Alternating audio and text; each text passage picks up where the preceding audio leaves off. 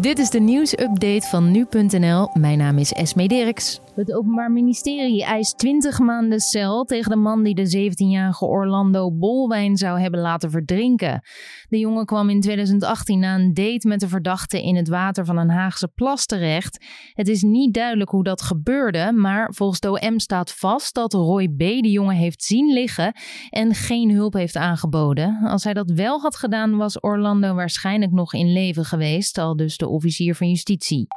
De man die vorige maand werd opgepakt omdat hij zich voordeed als verpleegkundige, heeft ook medicijnen toegediend aan patiënten. De 24-jarige man heeft 13 dagen gewerkt in het Jeroen Bos ziekenhuis toen collega's begonnen te vermoeden dat er iets niet klopte.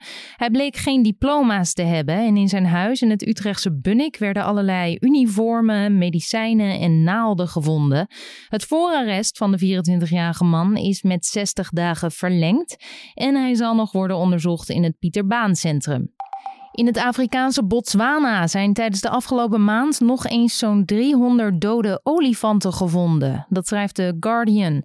Halverwege mei waren er al 36 dode dieren gevonden en de oorzaak is nog altijd onbekend. In de eerste instantie werd gedacht aan vergiftiging door jagers, maar dat lijkt onwaarschijnlijk omdat dieren die van de kadavers eten geen ziekteverschijnselen hebben. Ook mildvuur lijkt uitgesloten. Volgens lokale autoriteiten zijn er monsters naar een lab gestuurd en wordt er binnen een paar weken uitslag verwacht. Lokale bewoners hebben volgens de Britse krant wel opgemerkt dat verschillende olifanten in cirkels zouden hebben gelopen vlak voordat ze stierven. En dat zou kunnen wijzen op een beperking binnen het zenuwstelsel. De man die ervan verdacht wordt de brand in de Alkmaarse parkeergarage te hebben aangestoken, zit nog vast. Het gaat om een 51-jarige man die zich woensdagochtend verdacht gedroeg in de buurt van de garage, terwijl de bluswerkzaamheden nog gaande waren. De politie is nog altijd op zoek naar getuigen en dan met name naar de persoon die rond kwart over zes ochtends de parkeergarage met de auto verliet. De Amerikaan James B. moet 2,5 jaar de cel in voor het misbruiken van een destijds 12-jarig meisje in een hotel in Rotterdam. De man is volgens de rechtbank planmatig te werk gegaan toen hij haar uh, meelokte. B. sprak haar aan via een online paardenspel en dat contact zette zich door via Facebook.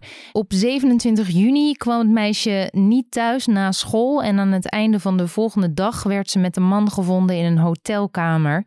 B. ontkent dat hij haar misbruikt heeft, maar DNA-sporen wijzen daar wel op. Omdat de man terminaal ziek is, heeft hij een lagere straf gekregen dan de rechtbank onder andere omstandigheden had uitgedeeld.